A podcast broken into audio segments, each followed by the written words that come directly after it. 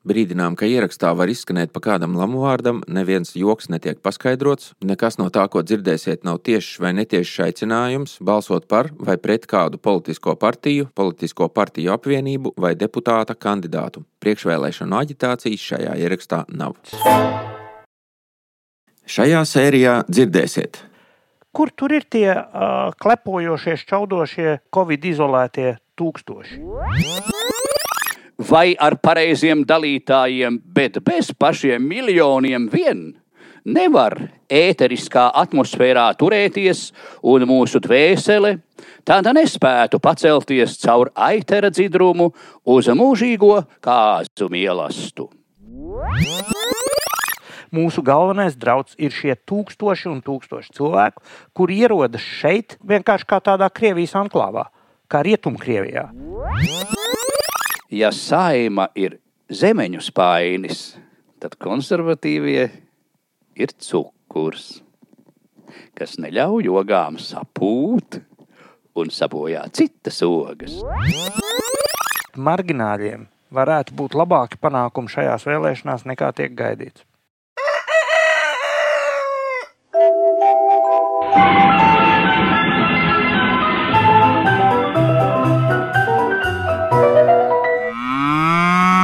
Jautājumi iz provinces. Ja? Jā, jautājumi Aha. no provinces. Dzintris un Mārcis dzīvo laukos, bet nevar palikt vienaldzīgi pret valstī notiekošo. Deviņas nedēļas līdz vēlēšanām. Viens skaitļa skaitlis vai viens skaitļa cipars, kāda būtu pareizāk? Viens cipars skaitlis tas ir. Vienalga nepareizi. Jā, redz, redz, ko nozīmē, ka tu cilvēks esi trīs dienas bijis ārpus civilizācijas un atbrauc tā, tā kā no plaukta nokritis. Es ceru, ka jūs, kungi, esat turējuši roku uz pulsa visiem notikumiem, un man šķiet, ka ir viena tēma, kuru mēs tiešām sen neesam cilājuši un atstājuši tā kā novārtā, kura, kad sākām raidījumu pagājušā gada septembrī un vēl ziemā, tā bija liela tēma, varēja runāt, neapstājoties, bet mēs to neesam darījuši pārāk bieži. Tad nu tagad varbūt atgādināsim. Tas ir Covid kā no tava tāluma dzintri izskatās tas Covid šobrīd? Cik viņš mums tūs tāls, cik viņš mūs vai tevi varētu uztraukt, vai ir kāda rūpesti par šo? Rūpestu nav, draugs.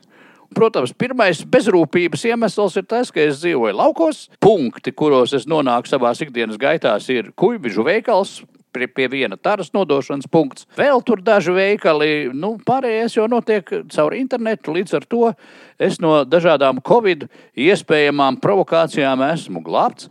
Otrakārt, sekojot līdzi dažādiem tur internetiem, redzu, ka parādās tādi nu, brīdinājumi un tādi skaitļi, pie kuriem, ja kāds vēl atminas to pirmo covid, te jau gandrīz viss būtu ciets sen un lielā Rīgas Tallinas strāse būtu pustukša bet nekas tā kā nenotiek. Vēl vairāk es redzu optimistiskus paziņojumus. Piemēram, Rau nesen bija iegājis aģentūras Leta lapās un skatos, Leta ir rakstījusi tā. Baidena veselības stāvoklis uzlabojies pēc inficēšanās ar koronavīrusu. Te vēl kaut ko borkš par ierobežojumiem. Nu, īstiem vīriem tā paliek tikai labāk. Es vēl gan domāju, ka varbūt ir nu, kaut kāda kļūdīšanās niansēs. Zinter, tur nav nekāda kļūdīšanās. Letas eh, to ziņu rakstītāji eh, dalās pamatā trīs grupās pusidioti, idioti un pilnīgi idioti. un šeit ir nepārprotami. Vienkārši cilvēks nav pratis izteikties palīdzības skolas sestās klases skolnieku līmenī. Nu, bet letā viņš saņem aldziņu, un kādam tas darbs ir jādara. Bet nu. Nu, mums ir jātic, tā kā agrāk, kā pie veikala agrāk teica, tā avīzē bija rakstīts. Nu, aģentūra tā teica, bet labi, ja mēs arī pieņemtu, ka to nu ir uzkleķerējis kāds tevis pieminētais, bet redzi, nu neviens idiots jau nav pa Kariņu kungu. Tā kā rakstījis, man šķiet, ka viņš ir, nu, te pirms kāda laika bija tāds, tāds, draugi, esmu saņēmis Covid testa pozitīvu rezultātu vadoties pēc norādījumiem, turpinās darbu attālināti. Un tad tas viss aizgāja tādā mierīgākā tonī, ka premjerministrs jūtas labi, viņam nav izteiktu Covid slimībai raksturīgu simptomu. Viņš aicina visus būt piesardzīgiem, ievērot bla bla bla bla bla. bla. Ar vienā sakot, nekā diža. Tiesa gan, daži idioti, kā mums patīk izteikties, no augstiem plauktiem te raksta, ka Covid gadījumu skaits Eiropā sešu nedēļu laikā trīskāršojies. Un kaut kāds augsts čiekurs no, no šīs pasaules organizācijas, Mr. Klūga, ir teicis, mans vēstījums valdībām, veselības institūcijām ir rīkoties tūlīt, lai sagatavotos nākamajiem mēnešiem. Lai sagatavotos valstīm, tad vajadzētu aktivizēt vakcinācijas kampaņas, atbalstīt masku valkāšanu, stiprināt laboratoriju kapacitātes jāprioritizē kontaktu izsekošana, jāstiprina kontrole, viss kaut kas tur jādara. Pa zeķibiksēm tur nebija, pa kafijas filtriem tur nekas nebija. Pašlaik nebija, tas, tas laikam ir atsevišķu valstu. Tas ir mūsu vietējais jā. sniegums, tas tā sakot. Mūs, jā, jā, ah, ko, ko, tāpēc es arī tā kā painteresējos, nu tomēr mums te tā mierīgi laukos putiņi čīvīna, viņiem Covid nedraud. Es tagad domāju, kas pie mums notiek? Nu, Laikam jau nekas, jo mēs jau dažreiz te paši esam muldējušies, nu, kad valdībai bieži vien tas stāvoklis, ka viņi taisās kaut ko darīt, nu, nedara, bet taisās ilgu laiku. Nu, pašlaik šķiet, ka pat īsti netaisās. Un tad es domāju, es domas lielas, nu, kāpēc tā tik mierīgi, ja tur Eiropā zvana tos zvanus un, un šie, kuri aicina maskas valkāt un ko tik vēl neredz. Nu, tā taisīšanās un arī kaut kāda vaimanāšana, protams, kas nāk paralēli, papildus budžeta līdzekļi, kas tur ir tūlīt vajadzīgi, nu, tā kā nenotiek, vai notiek ļoti, ļoti, ļoti bikli. Jo redzi, nu, nāk tās vēlēšanas, ja, un uh, nezinu jau, kas kuram tur kritīs, kā tās kārtas kritīs un kam kritīs tad veselības čakarēšanas ministrija un visi tie smukie miljoni pēc tām vēlēšanām. Jo, lai nu kam, bet tad, kad būs tas zvans nozvanījis, nu tad jau tos miljonus mēs nežēlosim. Bet tikai tad, ja mēs zināsim, kas tad ar tiem miljoniem darbosies. Te man ir ļoti zīmīga teiksim, frāze vai fragments no fundamentālā pietu krustiņa uh, Ilzas izvadīšanas uzrunas viņas bērēs, ko varētu Covid sakarā teikt arī tā. Covid apkarošanas miljoni un pareizie cilvēki, kas tos pareizi sadala, ir tie spārni, ar kuriem mēs lidojam no austruma līdz rietumam, no polāras zvaigznes līdz ekvatorim.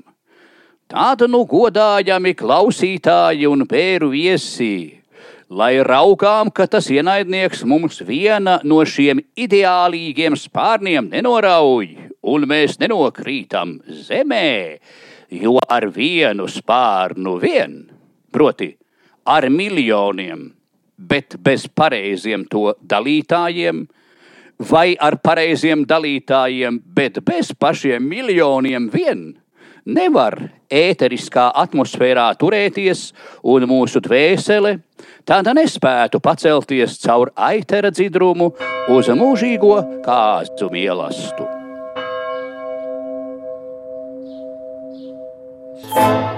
Te gan izskan, ka ko tā nu darīs un kāpēc neviens neko nedara. Un pat tā, ka varbūt vajadzētu atcelt tās vēlēšanas tur vai pārcelt kaut kur uz priekšu. Nu, gan jau, ka mūsu politiķi, un lai viņiem dievdod veselību, vai arī tādā formā kā Baidenam, ka paliek vien labāk e, no noķertā vīrusa, nekādus papildus ierobežojumus tad tā kā neatbalstīs. Jo kā tad tu tad vispār vispirms pāģitēsi, ja viss būs ierobežots?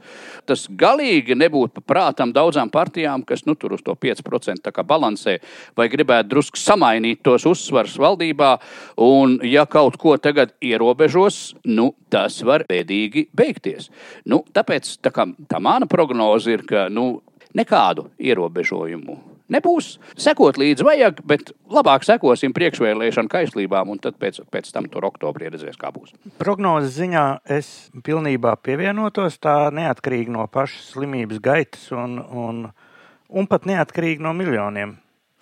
Proti, līdz vēlēšanām nekādus ierobežojumus valdība neieviesīs, jo tas, kurš pirmais iznāks un teiks, ka ir vajadzīgi ierobežojumi, tam, kā saka, procents nost pateiks vēl vienu teikumu, 2% nost. Un, ja tev tikai 7 viņi ir un tev 3% noņem, nu tad iznāks skumīgi. Tas ir tieši tāpat kā ar milzīgu sacensības garu sāka bīdīt no vēlēšanām uz agrāku laiku pensiju indeksāciju, tā kā visi saprot, ka uz vēlēšanām tā nauda neienāk pēc vecās kārtības, tad ir jāņem mēnesis agrāk, un tad iznāca, ka tā metodika neatļauj arī to mēnesi agrāk noindeksēto līdz vēlēšanām izmaksāt. Un tad paķēra vēl vienu mēnesi klāt. Ja reiz ar pensiju izmaksu tik ļoti nopūlas likumdevējs, tad aizliegumus jau kādus derīgus vai nederīgus, prātīgus vai neprātīgus, potēšanos vai zeķu un kafijas filtru tirgošanas aizliegumus neko neizdarīs. Līdz 1. oktobrim tādu nebūs. Vienkārši, jo tur nu, tie ir pilnīgākie pašnāvnieki, kas kaut ko tādu grib darīt.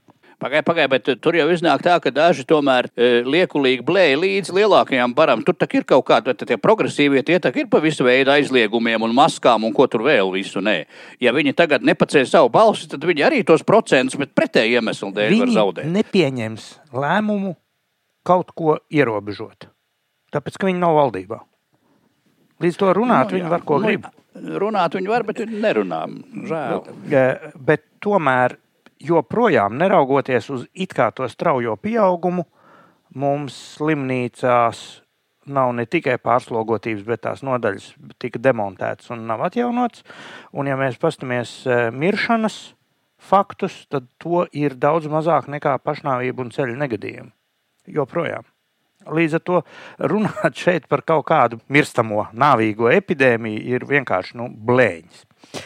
Bet Covid sakarā man ir viens tāds pavisam naivais jautājums, ritīgi naivs, un viens tāds padomāšanai. Man nav atbildes uz viņiem īstas, bet eh, nu, pabeigsim nevis ar lozungu, varbūt šo tēmu, bet ar tādu atvērtu ar jautājumu. Pirmais ir par mūsu premjera Kariņa covidisko stāvokli. Tātad viņam regulāri mēdz būt covid, un kā mēs zinām, viņam viņš notiek bez simptomiem.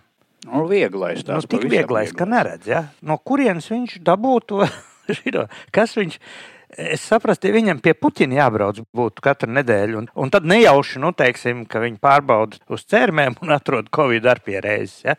Bet nu, viņam jau tādas vajadzības nav. Tas nozīmē, Viņš īsti jaukā Latvijas vasarā, tāda kāda uh, reti mums gadās, peld un sauļošanas, ogošanas, sēņošanas sezonā, bez iesnām, bez klepus, bez galvas sāpēm. Viņš urķēs sev pa degunu un nes tos puņus uz analīzēm. Iznāk katru nedēļu. Ja?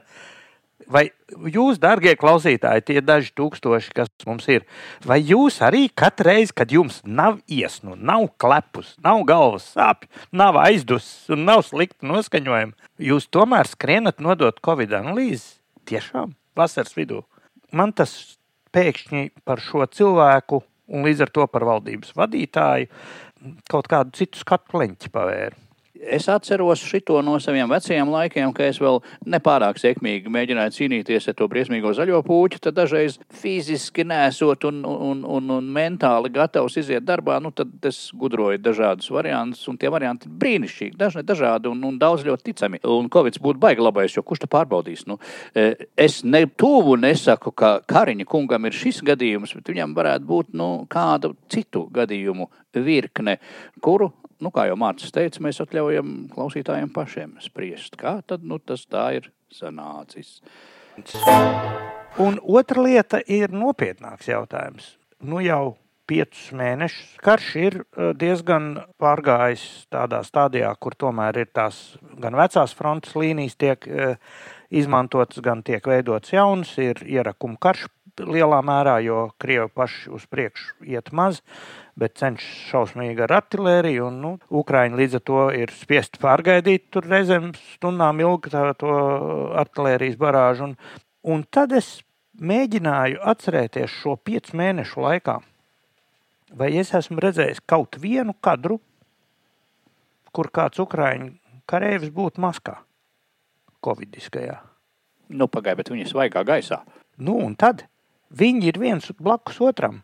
Nu, ne tikai svaigā gaisā, tur ir ļoti daudz no kuri tie gūstekņi un kazarmās ir, ir pietiekoši daudz. Viņi sēž blindāžās. Viņu skaits, kas ir tiešajā frontes līnijā, ir kaut kādi 140 tūkstoši. Nu, kaut kāds tāds skaits. Tas nav, ka daži baigi sapotētie, baigie supermeņi, tur 12 kaut kādi varoņi. Ja? Mēs runājam par desmitiem un desmitiem tūkstošu cilvēku, kas atrodas ciešā kontaktā mēnešiem ilgi. Ir situācijas bijušas, ka viņus nav varējuši nomainīt pirmajās līnijās, kur viņi ir pa mēnesim bijuši nenomainīti pirmajā līnijā. Un ko nozīmē pirmajā līnijā? Tas nozīmē faktiski nemazgājušies pēc būtības. Maksimums no ērtībām, kas var būt, bijis silta tēja un, un, un zobus iztīrīt. Ja? Un kur tur ir tā Covid nāves pļauja visā šajā simtu tūkstošu grupā? Kur ir tā nāves pļauja otrā pusfrontē?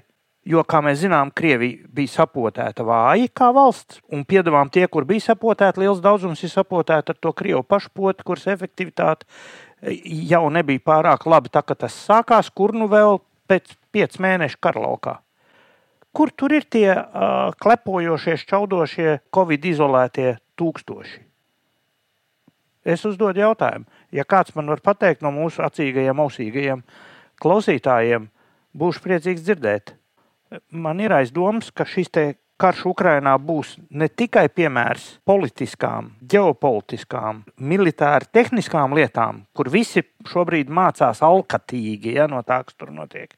Bet man šķiet, ka būs jāizdara arī pavisam citi secinājumi šajā te epidemioloģiskajā teorijā. Jo šī prakse galīgi neiet kopā ar to, ko mums pirms gada stāstīja televīzijā ka kaut kas neiet kopā. Nu, Kaut, tas ir jautājums. Te Jā. kaut kāda gala neiet kopā. Um, labi, jautājumus uzdevām. Uz atbildēm izklausās, ka patiesībā nemaz neceram, ja nu kādam klausītājam ir kādas interesantas teorijas par to, kur viņš ir un kad viņš atkal parādīsies un kā viņš izskatīsies. Rakstiet, zvaniet, sūtiet, jūs zināt, kā mūs atrast. Ejam tālāk. 234, 77, 667, brīvais telefons mūsu studijā. Uzdod mums jautājumus vai ziņo par nebūšanām savā provincē. Gaidīsim no tevis zvanu, izziņu vai WhatsApp. Brīvais telefons 234, 77, 667. Klausītāji būs pamanījuši, ka katrā sērijā izskan kāds mūsu klausītāja zvans, un arī šodien es nospēlēšu jums vienu mūsu klausītājas zvanu. Labdien! Es regulāri klausos jūsu raidījumu, man ļoti viņš patīk, bet man ir viens jautājums. Uh, sakarā to, ka nu, te dzīvo Latvijā dažādi tautību cilvēki. Poļi, krievi, čigāni, um, lietuvieši, igauni un tā tālāk. Bet kāpēc ir tik šausmīgi negatīva attieksme pret krieviski runājošiem cilvēkiem? Tas man nav saprotams, vai tad pilnīgi visi te, kas dzīvo Latvijā, ir Putina piekritēji, vai viņi ir ienaidnieki, vai viņi ir nošaujami, vai izdzenami. Man šis jautājums neliek mieru. Kas ir ar tiem krieviem? Vai tad jāņem mums būtu bomji un jāsāk sist visus krievu runājošos, kas te ir krieviski runājošos, vai kā mums vajadzētu tagad rīkoties? Kāda būtu jūsu atbilde? Paldies par uzmanību! Nu, Mārci, vai tu vari atbildēt uz šo te jautājumu?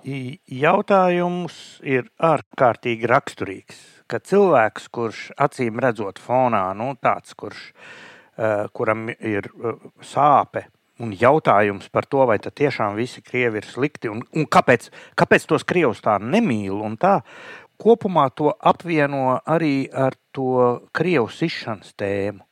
Pamatā tie ir tie cilvēki, kas mūs aicina nešķelties, kuri ir pret šķelšanos, un, protams, viņiem uz vienas elpas arī nāk krievs izšana. Ja? Es esmu pārliecināts, ka tām attiecībām, kas ir izveidojušās starpetniskās attiecības Latvijas Republikā, ir dziļas saknes. Tas ir noticis ilgu gadu un dažādu procesu gaitā, un tas rezultāts nemainīsies ne nedēļas, ne mēneša, ne gada. Viņš var izmainīties paudzes laikā. Vienīgais veids, kā mēs varam, lietojot šo te pretīgo terminu, nešķelties, ir vienoties par stingru nacionālu valstiskumu. Neatkarīgi no tā, kādā valodā cilvēks skatās kino, lasa grāmatas, runā mājās vai dungo, mūsu saziņas valodai ir jābūt tikai un vienīgi latviešu valodai. Ja tas tā būs, mēs izdzīvosim, ja tas tā nebūs, mēs iznīksim. Tur nav daudz variantu. Tur ir divi piemēri. Viens tagad jau pilnīgi kanonizēto komunista tēlu, respektīvi Augustu Vosu, ja, nomainīja enerģiskais no čekas e, virsotnēm nākošais Boris Karlovičs Pugo. Nu, daudzi līdzcilvēki atceras, un tad par viņu bija droši vien pati čeka izlaiž tos stāstus, ja, ka viņš tur ejot ar kājām uz darbu, un ka braucot ar apskatu uz žīgulīti, un pēkšņi ierodoties kontrolēt kaut kādas rūpnīcas, un neviens nezināja, vai tas tā ir vai nav. Un viņš pat kaut kādā, un ko sakaitīja ar aplausiem, kaut kādā intervijā kāds pēdiņās drosmīgs žurnālists vai kas bija prasījis par latviešu valodu, un, un tur viņš bija Pugo. Viņš nu, runāja latviešu, starp citu, arī tā švaki, bet runāja. Voss jau runāja. Un tad viņš bija teicis nu, kaut ko tādu, ka vispār jau valodas iemācīšanās vai prašana būtu nu, tā, nu, tāda jauka, nu, tā kā jauks hobijs. Nu, tie cilvēki ir tādi nu, tā forši, kuri kaut ko ir iemācījušies, bet draugi, biedri. Mums jāņem vērā, ka viņi daudz un smagi strādā, un viņi ir aizņemti, un viņiem īsti nav laika savam hobijam. Bet katrā ziņā, ja kāds to dara, tas, protams, ir ļoti cildeni. Nu, tik tālu bija tā atšķirība starp starp labajiem un puslabajiem. Vai arī nu, šitais te ir no vēstures, un tas izcēlās atkal baigo rezonanci. Varbūt paklausties, tas ir apmēram tas pats, kas Vācijā pēc kapitulācijas, ja tur nomainītu Fīreru un vēl kādus piecus, un tā vairāk tā īsti neko tā kā nenomainītu. Nu, tagad, acīm redzot, lielākā daļa to labo nu, ir tādās pašās domās. Nu, Putins, Šoigu, Lavrovs, nu vēl kādi trīs, tur kaut kādi stulbi ģenerāļi, nu vēl tur pāris, jā, à, nu Solovjovs un tādi eh, dirsēji, tādi ritīgie, piedodiet. Nu, un tad tas pārējais jau tur sakārtosies pats no sevis. Tā nenotiks. Šis te šovinisms nav izskaužams ar pāris aktivitātēm, un tagad jau nevienu nos nešaus. Nu, ieliks kolonijā uz pieciem gadiem vai, vai kaut kā tā, ja kāds neizdarīs pašnāvību. Nu, tāds paralēls man nāca prātā. Paldies kundzei par tādu zinām drosmīgu zvanu, jo, jo viņa nu, droši vien zināja, kāda varēja būt mūsu nostāja. Nu, tas ir tas, ko es gribēju tur pielikt klāt, kas man likās svarīgi. Bet tas ir par tiem krieviem, kuri šeit ir uz vietas. Tā tēma, kas tagad ir sāsinājusies, ir par tiem krieviem, kurus šobrīd mūsu valdība ar saimas kārtīgu atbalstu, tā skaitā Nacionālās apvienības, velk iekšā šeit tūkstošiem. Tūkstošiem tā nav metāfora, tie ir reāli skaitļi. Velk šeit iekšā tūkstošiem krievu ar visām ģimenēm. Viņi pat viņus reizēm sauc par bēgļiem. Ja? Kaut arī bēgļi var būt tikai tur, kur ir karš. Krievija, kā zināms, nekaro. Tie, kas šobrīd no Krievijas ierodas, viņiem tiek piemēroti dažādi visādi cēli apzīmējumi, tur digitālie nomadi. Kas ir digitālie nomadi? Tie ir tie cilvēki, kuri ir labi apmaksātos darbos, stiprinājuši Krievijas ekonomiku, strādājuši Krievijā, labi apmaksātus darbus un nav iebilduši ne pret kādām represijām, ne pret vēlēšanu viltošanu Bolotnijas eh, tā saucamajās demonstrācijās, kuri atbalsta Krimas vai neiebilst pret Krimas aneksiju, kuri neiebilst pret Krievijas agresiju Donbasā, un tagad viņi arī principā neiebilst pret pašreizējo agresiju. Viņi varbūt to kādreiz pasaka, viņi iebilst pret to, ka viņiem kredītkartes nestrādā. Un tad pēkšņi parādās labēļi, pamatā tur uh, iekšlietu ministrijas, starp citu, vēl tobrīd Golubevs vadībā, sagribējuši šeit ievilkt tūkstošiem cilvēku ar šo te lepno nosaukumu uh, digitālie nomadi, kas īstenībā ir krievi, kuriem negribās dzīvot sankciju apstākļos un kuri meklē vienkārši siltāku vietiņu. Mēs esam par šo jau runājuši. Šo te likuma izmaiņas, kas to pieļauj, un ļoti vienkāršo šo te kārtību, kādā šo cilvēku tūkstoši ar visām ģimenēm te var pārvākties. Atbalstīja arī Nacionālās apvienības deputāti, nesaprastam, ko viņi dara. Šķiet, pēc, tagad, pēc tā, ko es lasu Twitterī, viņi varbūt ir drusku sākuši saprast, kas te ir noticis. Ja? Šeit ierodas tūkstošiem cilvēku, kuri netaisās mācīties latviešu valodu, kuri šeit pieaudzēs to cilvēku masu, kuri prasīs Krievijas aizstāvību. tikko tur pamainīsies režīms. Šeit es savā prātojumā nosvītroju apzīmējumu riska faktors. Šeit nav riska. Šis ir drauds, tīrākais drauds. Un, ja kādreiz mums par draudu tika uzskatīta Pleskaus divīzija un Puķina noskaņojums, tad šis tagad ir otršķirīgs drauds. Mūsu galvenais drauds ir šie tūkstoši un tūkstoši cilvēku, kuri ierodas šeit vienkārši kā tādā Krievijas anklāvā, kā Rietumkrievijā, kur viss ir labi, kur bērniem ir skola krieviski, kur ir krievu bērndārs, kur, kur tu drīksti uzvesties pa savai krievu modei, un visiem jābūt priecīgiem, un viņi te gadu vai divus pamaksās nodokļus, viņi teiks, paga, paga, mēs maksājam nodokļus, kāpēc, a, kur ir mums bērndārziņi krievu, kāpēc vispār šitie nerunā ar mums krieviski, kāpēc mūs neapkalpo krieviski. Tūkstošu, tūkstoši cilvēki nāk klāt. Un tad tur vēl parādās vēl viens epitets - labie krievi. Ja? Un labie krievu mēdīji. Ārlietu ministrija šausmīgi lepni bija, ka Dožs tagad te būs Latvijā. Un tā, un, ja saskait visus tos krievu mēdījus, kas Latvijā ir noinkurojušies, mēs runājam kopā ar ģimenes locekļiem par tūkstošiem cilvēku, kuriem nav nekāda sakara ar Latviju. Viņi nodarbojas ar krievu politiku, un viņi kopumā pārstāv lielkrievu pozīcijas.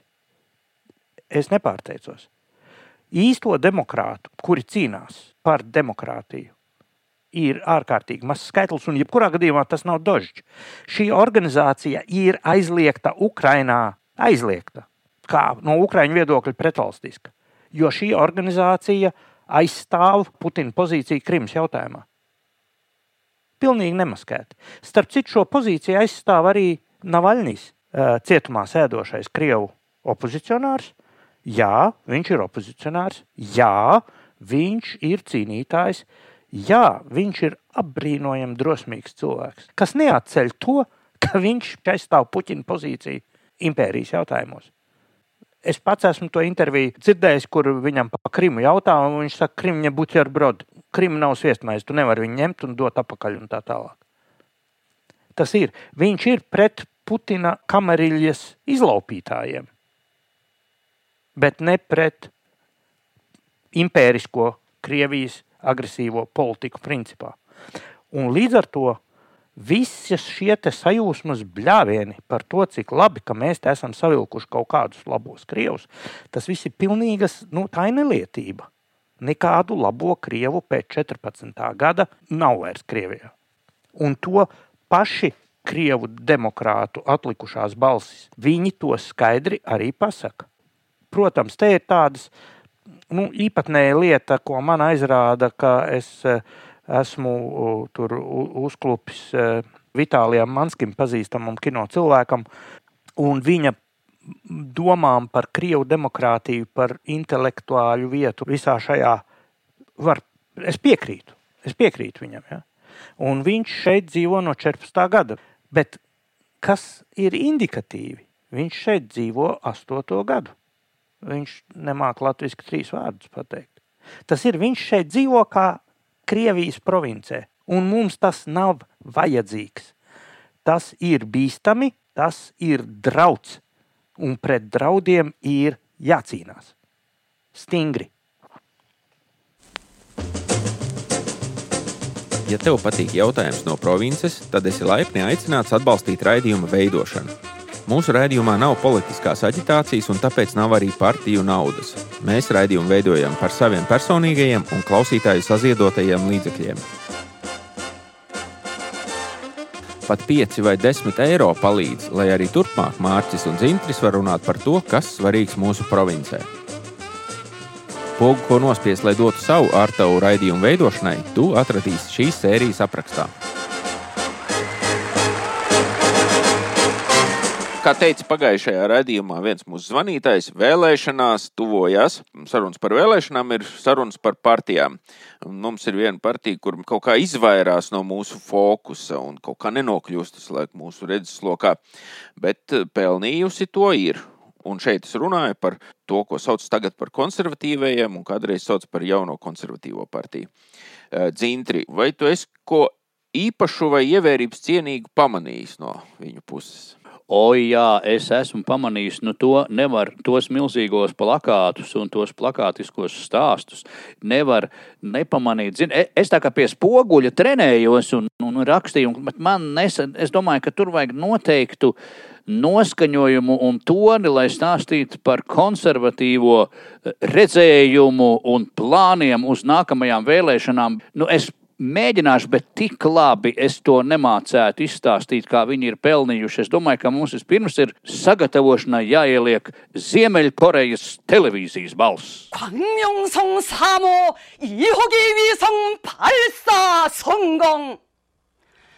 12월 10일 평안북도 철산군 소해 위성 발사장에서 운반 로켓 은하 3을 통한 광명성 3호 2호기 위성의 발사가 성공했습니다. Konservatīvie sabiedrību iepazīstināja ar priekšvēlēšanu programmu Desmit reiz desmit, kas paredz to, ka Latvija desmit gadu laikā kļūs par vienu no desmit attīstītākajām Eiropas Savienības valstīm, informē partijas priekšsēdētājs Jānis Bordāns. Mums ir ilgtermiņa plāns, kur ir minēti desmit prioritāri veicamie darbi. Konservatīvo komandā ir daudz enerģisku un gudru cilvēku, kuri ir gatavi doties tālāk, lai būvētu ne tikai taisnīgu, bet arī pārtikušu Latviju. Tādu Latviju, kurā mēs, protams, sadarboties un varam uzticēties viens otram, kur plaisa starp bagātajiem un trūcīgajiem mazinās. Es apzinos, ka šis ir ambiciozs mērķis. Man ir skaidrs, ka pati no sevis attīstība nenotiks. Esam apņēmības pilni strādāt, lai to īstenotu dzīvē, uzsver Jānis Bordāns. 위성은 예정된 궤도에 진입했습니다. Nu, tad, tad viņi būs pēc desmit gadiem, nu, pēc šī redzējuma, desmit to labāko valstu vidū, starpā vai starp tām Eiropā. Ja mēs skatāmies, parasti piemin, nu, pēc skatoties to valstu pārticību, visādas labas lietas, tur ir tas IKP iekšzemes koprodukts uz vienu iedzīvotāju. To visur, kur bāž. Nu, ja mēs skatāmies pēc šī rādītāja, tad Latvija šobrīd no 27 valstēm ir 23. vietā. Nu, tur ir tāds smuks kusaks tos desmit gadus tur jānoiet, nu, droši vien, ka viņiem ir slepens plāns, kā to izdarīs. Bet man šķistu, ka viena lieta, ko, ko mēs varētu ieteikt, ka pirmkārt viņiem varbūt vajag ņemt kādu citu rādītāju, nu, tai labklājībai. Nu, teiksim, Es te paskatījos, Latvija ir otrajā vietā pēc atjaunojamiem energoresursiem. Ceturtā vietā pēc mēžu pārklājuma. Uh, ir līderos arī ar dažādiem lēmumiem un papīriem korupcijas apkarošanā. Starp citu, Zinu, ko vajadzētu ņemt no finanšu ministrijas, ir šitais, ka mums tas nodokļu sloks ir viens no zemākajiem Eiropas Savienībā. Priekšā mums vēl ir vēl zemākiem, ir Bulgārija un Rumānija, kuras arī ir diezgan nabadzīgas, vēl Lietuva, nu un īrija, kur vispār ir pusārzona gandrīz, ja tā drīkst teikt. Pirmkārt, pēc koprodukta mēs varam nonākt desmitajā vietā Eiropā ar vienu diezgan vienkāršu metodi. Izslēgt kādas 13 valstis, kas ir mums priekšā. izmest viņus ārā un būsim desmitniekā. Nu, Vācija diskvalificēt, Itālija, tur, kas, kas nu tur vēl mums ir. Beļģijai, Luksemburgai nepatīkami lieli tie skaitļi. Nu, taču varētu nolemt, ka viņš kaut kāda iemesla dēļ neskaita. Ne, viņš citā līgā var būt kaut kā vai tā. Tālāk tā doma atrast pareizo parametru dzintri, tā ir jau diezgan sen zināma. Proti, konstatēt, ka Latvija noteikti ir līdera valsts, piemēram, nu, puzuru taisīšanas ziņā.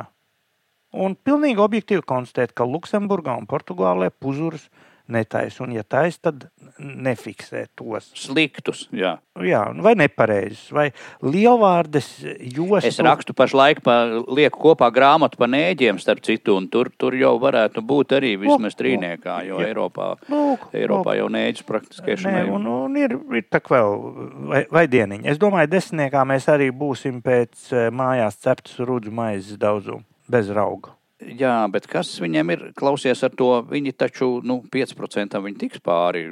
Nu, viņi tur membelējas, bet šo es ar nepacietību gaidu augusta pirmās dekādas beigas, kad būs e, jūlija skaitļi redzami gan kaktiņa, gan, gan pauliņa. Un salīdzināt tos un, un, un apskatīt, jo tas, kas tā kā iepriekšējo divu mēnešu tendence ir, ka saimā netiks tikai dažais, kā saka. Tur viss tiks. Būs uh, reāls, uh, varēs taisīt. Nu, Zvērdārzā bija tāds bērnu laukums, tāds, nu, kur mazuļi visiem tur tapīriem un, un Ā, bērnu ka viņi salaiž tur spēlēties un, un nāk visi apkārt un priecājas un skatās un, un mēģina iedot baltmaizi kaut kādu. Uh, tur varētu būt, būt jautrības ļoti daudz. Ja tā tendence attīstas, tad um, Bordāns tiek, starp citu. Jā, un tad viņiem ir ļoti labi argumenti, jo arī tie apsūnojušie politiķi droši vien kāds no viņiem tiks, un līdz ar to viņiem būs ļoti spēcīga argumentācija tam, kādēļ nevar izpildīt iepriekš, iepriekš uzdotos reizrēķinus savos plakātos. Bet uh, viņi ir uz skaitļiem diezgan krituši, kas īstenībā, nu, baigi forši. Citi tur, nu, Šlesers tas tur kaut ko citu darīs, un tā, nu, skaitļus maz kāds piemin. Eh, Jūs atceraties, ka viņiem bija tas lozungs uz šito, mm, šajā vēlēšanu strēķī nogrieznī, kas tagad drīz beidzas, 3 reiz 500.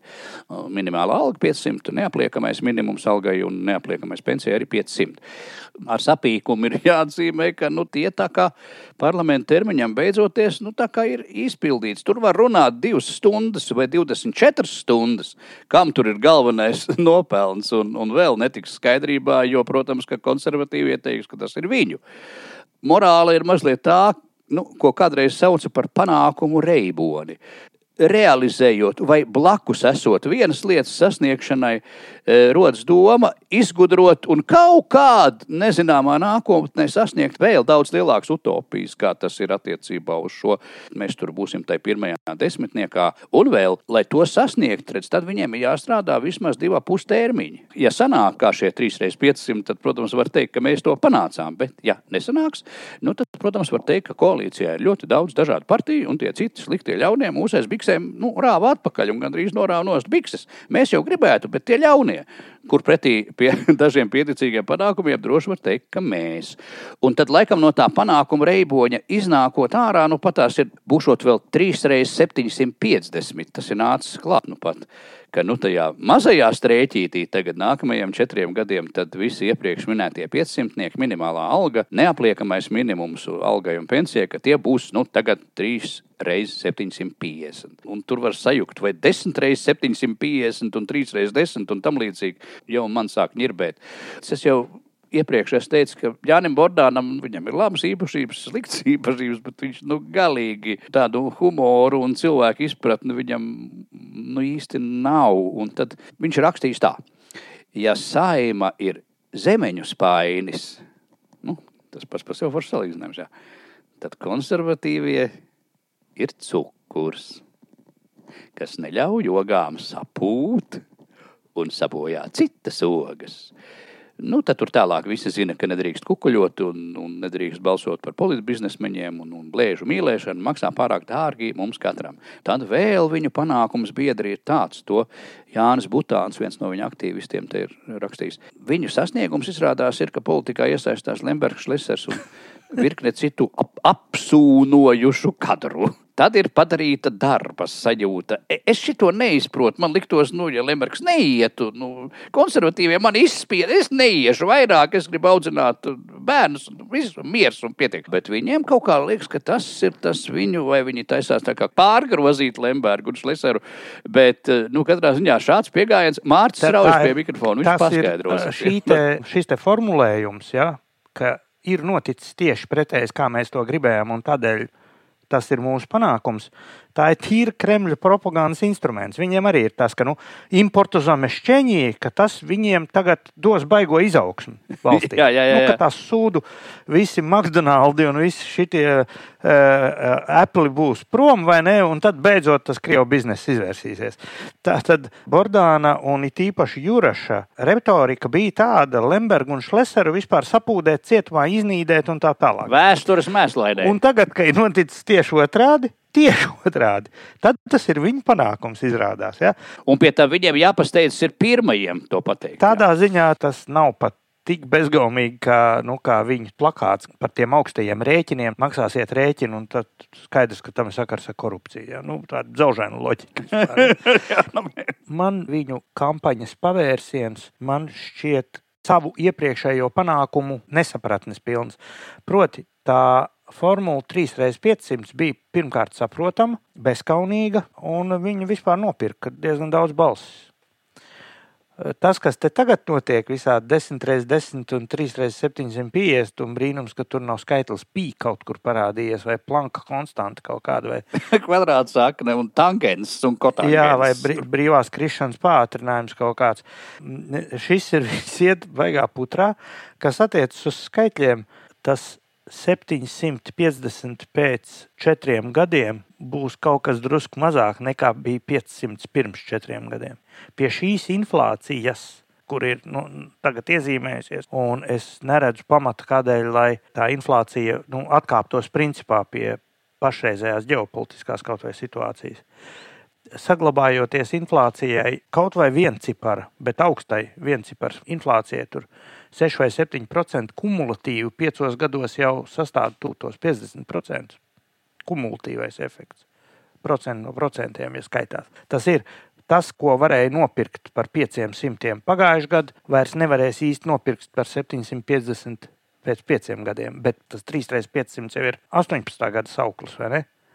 Mēs runājam par 8 gadu ciklu. Tur no 500 uz 750 īstenībā ir kritums ienākumu ta, tas tāds moments mūsu atjautīgākie un skaitļu mīlošie klausītāji eh, var apdomāt apmēram, ko kumulatīvi nozīmē augsta inflācija un cik būtu jābūt tikai, lai paliktu uz vietas. Nevis lai iegūtu kaut ko klāt, bet lai nezaudētu pārāk daudz. Un es nebrīnītos, ka šie punkti parādīsies televīzijas diskusijās, un nu, paskatīsimies, kā pretiniekiem izdosies to nu, izmantot. Ja? Skatīsimies, būs interesanti. Ņemot vērā to ārkārtīgo saskaldītību, kas ir vērojama sabiedrības simpātijās, pareizinātu ar sagaidāmo zemo dalību.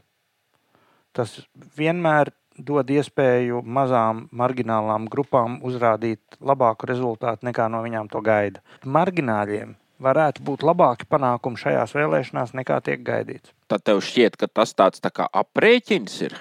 Izlikties nē, nē. Tā, tā, par, par kaut nē, kādiem izlikties pa, nē, viņi nedomā, ka viņi izliekas pa muļķiem. tas tā, es, es, tā noteikti, ka nav. Viņiem vienkārši nu, tā iznāk. Vienkārši tā iznāk nu. Bet viņi nav vientuļi politiskās pašai komunikācijas sfērā. Nav tā, ka visi baigi nopietni tur kapā un kaut ko dara, un šitie izskatās pēc muļķīšiem. Taisnība sakot, viņi ļoti labi iekļaujas visā tajā ansamblī, ko mēs redzam.